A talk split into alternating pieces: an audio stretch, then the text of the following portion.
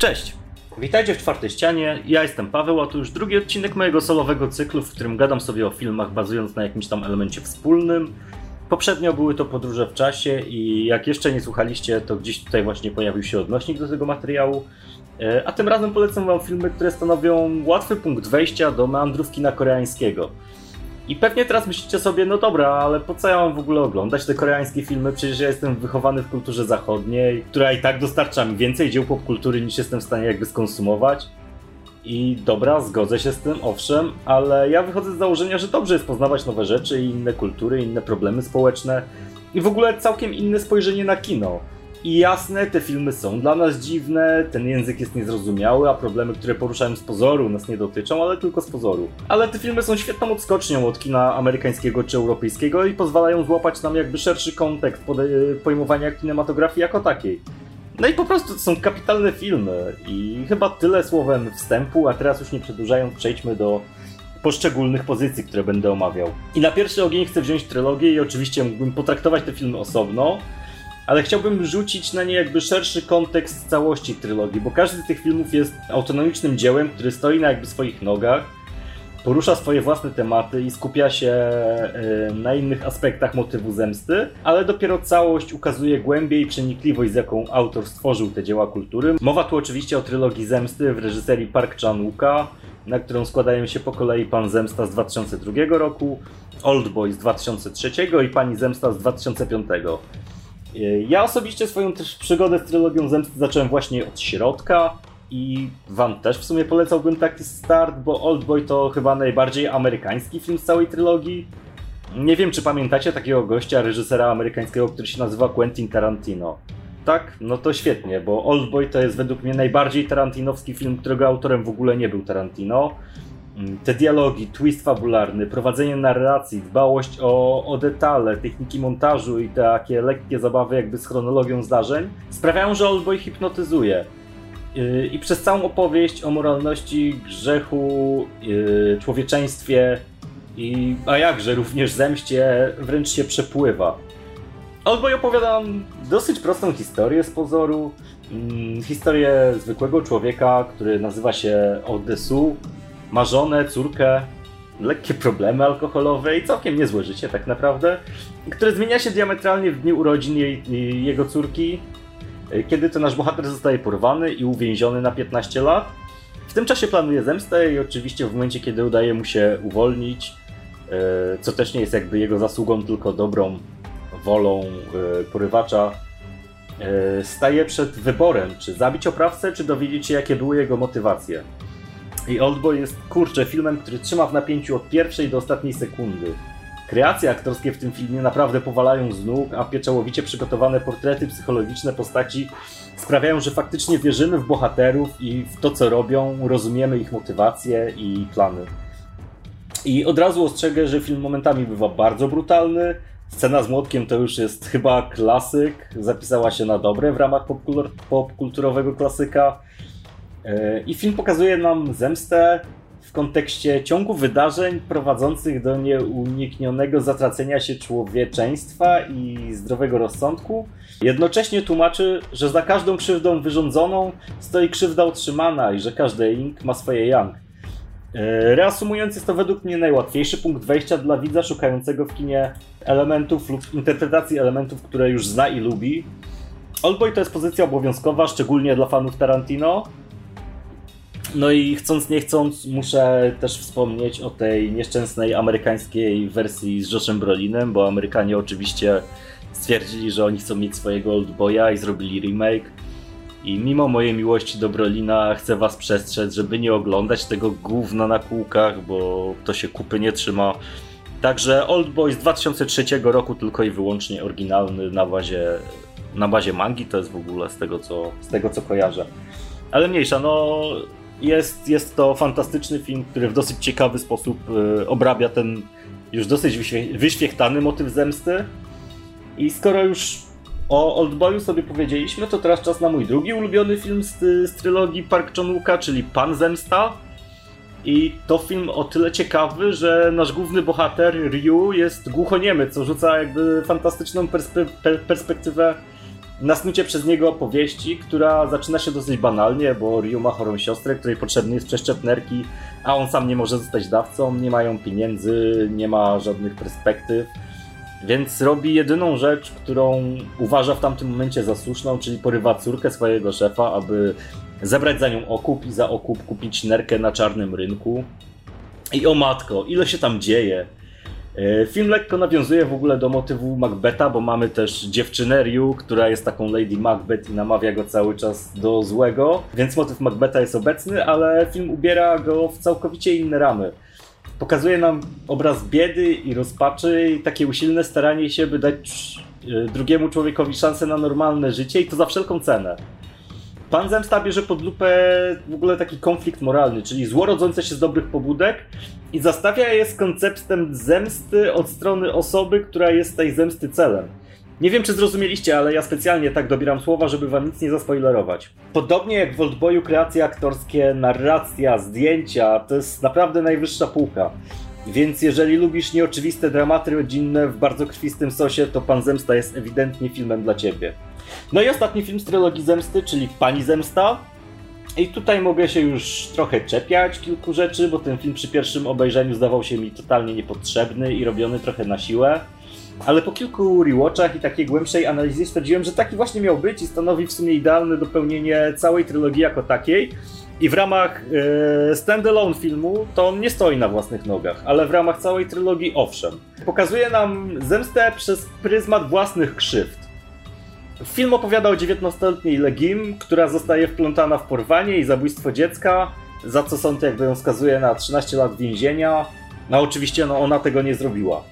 E, I po wyjściu na wolność planuje zemstę na człowieku, który jest odpowiedzialny za, za to, że ona została skazana, a jednocześnie stwarza pozory złamanej i skruszonej byłej przestępczyni E, to właśnie ten osobowościowy dualizm jest najciekawszy w tym filmie, bo to jest świetnie napisane i świetnie zagrane. E, nie ma tutaj, tak jak w przypadku poprzednich dwóch filmów, takiego mocnego dylematu moralnego i wręcz filozoficznego ujęcia zemsty. Jest bezwzględne planowanie, zimna kalkulacja i to mocno odróżnia ten film od pozostałych części trylogii.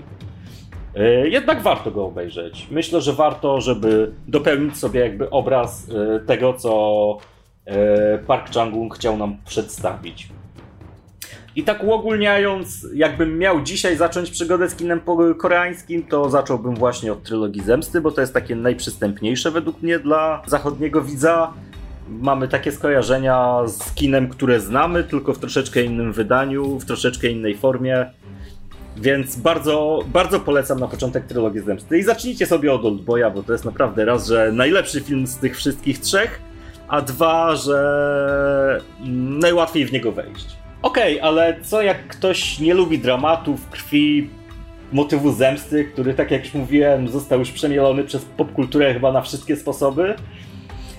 Ano wtedy też jest wybór. Mianowicie oczywistym wyborem wydaje się być film w reżyserii John Hubonga, czyli autora nagradzanego w tym roku bardzo mocno Parasite które swoją drogą też jest świetnym punktem wejścia, ale o nim dzisiaj nie będziemy gadać. Może kiedyś zrobimy osobny materiał o Parasite, bo, bo film jest kapitalny i jest w ogóle jednym z moich ulubionych ever.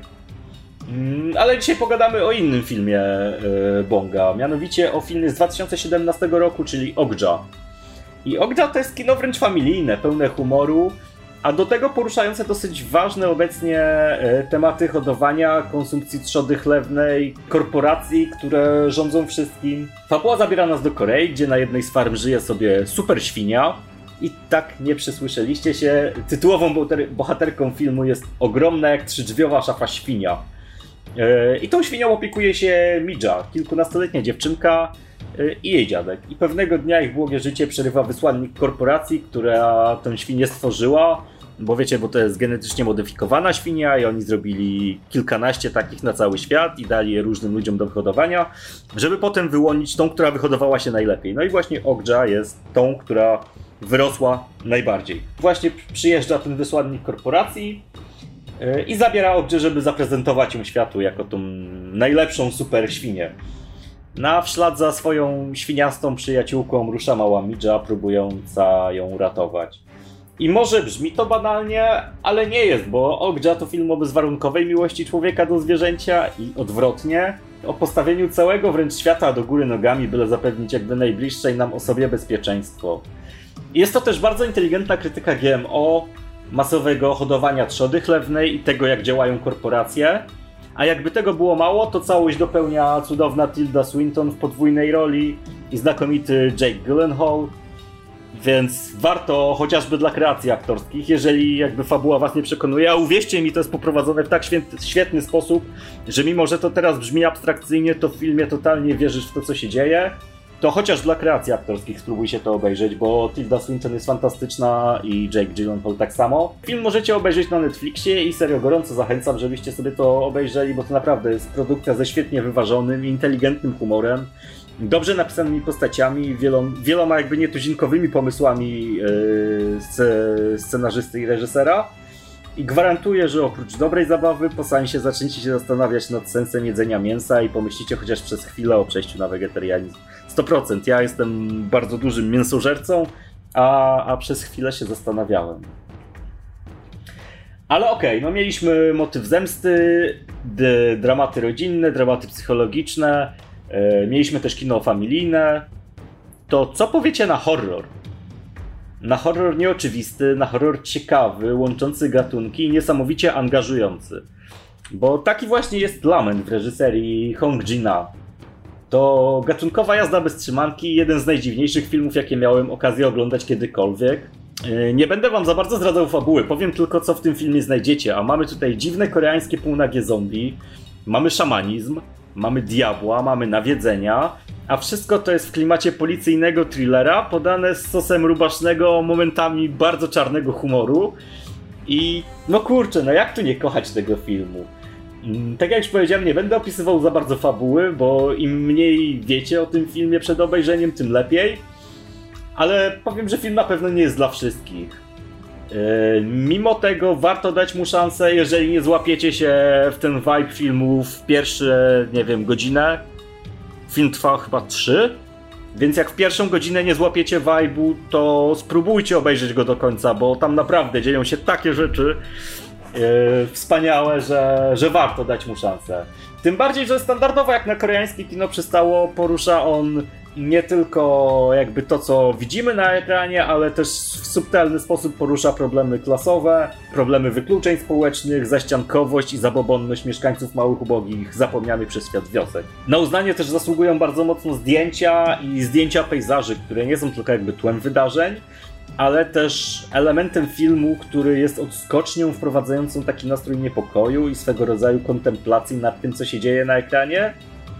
Film ma w ogóle kilka bardzo fajnych plot twistów. Jest świetnie napisany, dopracowany e, w najmniejszym szczególe, jeżeli chodzi o scenariusz.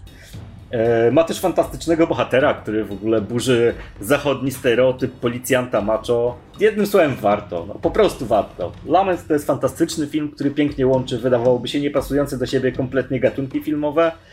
E, no i oczywiście możecie go obejrzeć na Netflixie, więc jest łatwo dostępny.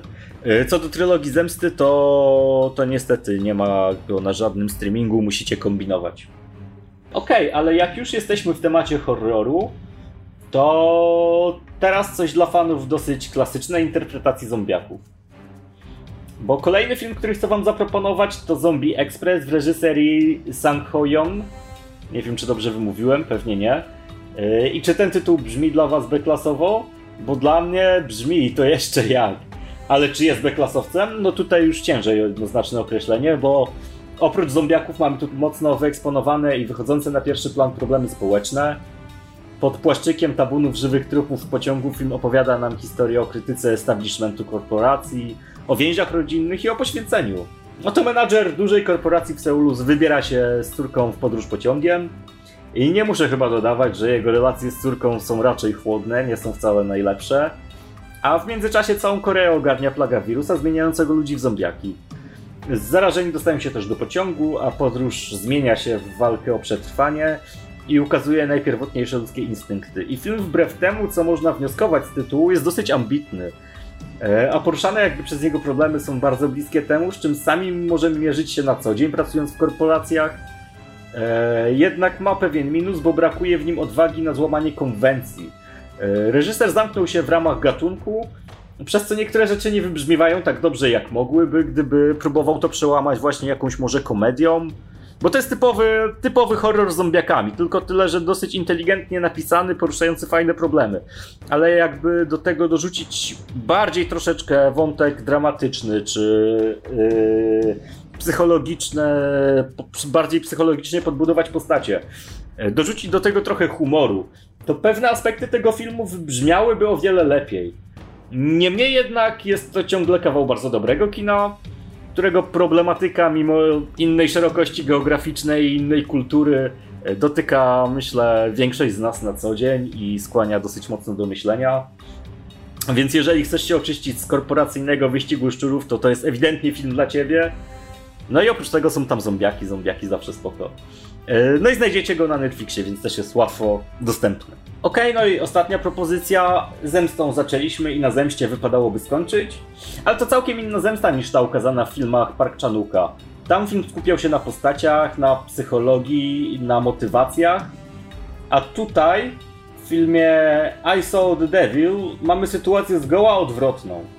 Film traktuje zemstę jako tło do brutalnych scen morderstw. Na próżno tutaj szukać filozoficznych przemyśleń czy psychologicznych motywów. Od chłop zabił chłopowi żonę i ten drugi chce się zemścić, a żeby było ciekawiej, to jeden jest płatnym zabójcą, a drugi agentem specjalnym. I tak w skrócie możemy przedstawić fabułę I Saw the Devil. Mm, mamy tam trzymające za gardło napięcie, całkiem zręcznie uknutą intrygę i hektolitry krwi. Film jest na tyle mocny i drastyczny, że w samej Korei jego emisja została zakazana, natomiast wreszcie świata został doceniony i nawet dostał jakieś nagrody. Jest to bardzo solidne, krwawy i brutalny kino akcji, które nie traci tempa i zadowoli nawet najbardziej wybrednych miłośników akcyjniaków. Warto obejrzeć, oczywiście tylko w wypadku, gdy masz dużą odporność na sceny przemocy, bo te wyglądają tutaj realistycznie i są naprawdę mocne. Saw the Devil to według mnie czysta rozrywka w najlepszym wydaniu i warto spojrzeć na tą, e, na tą pozycję.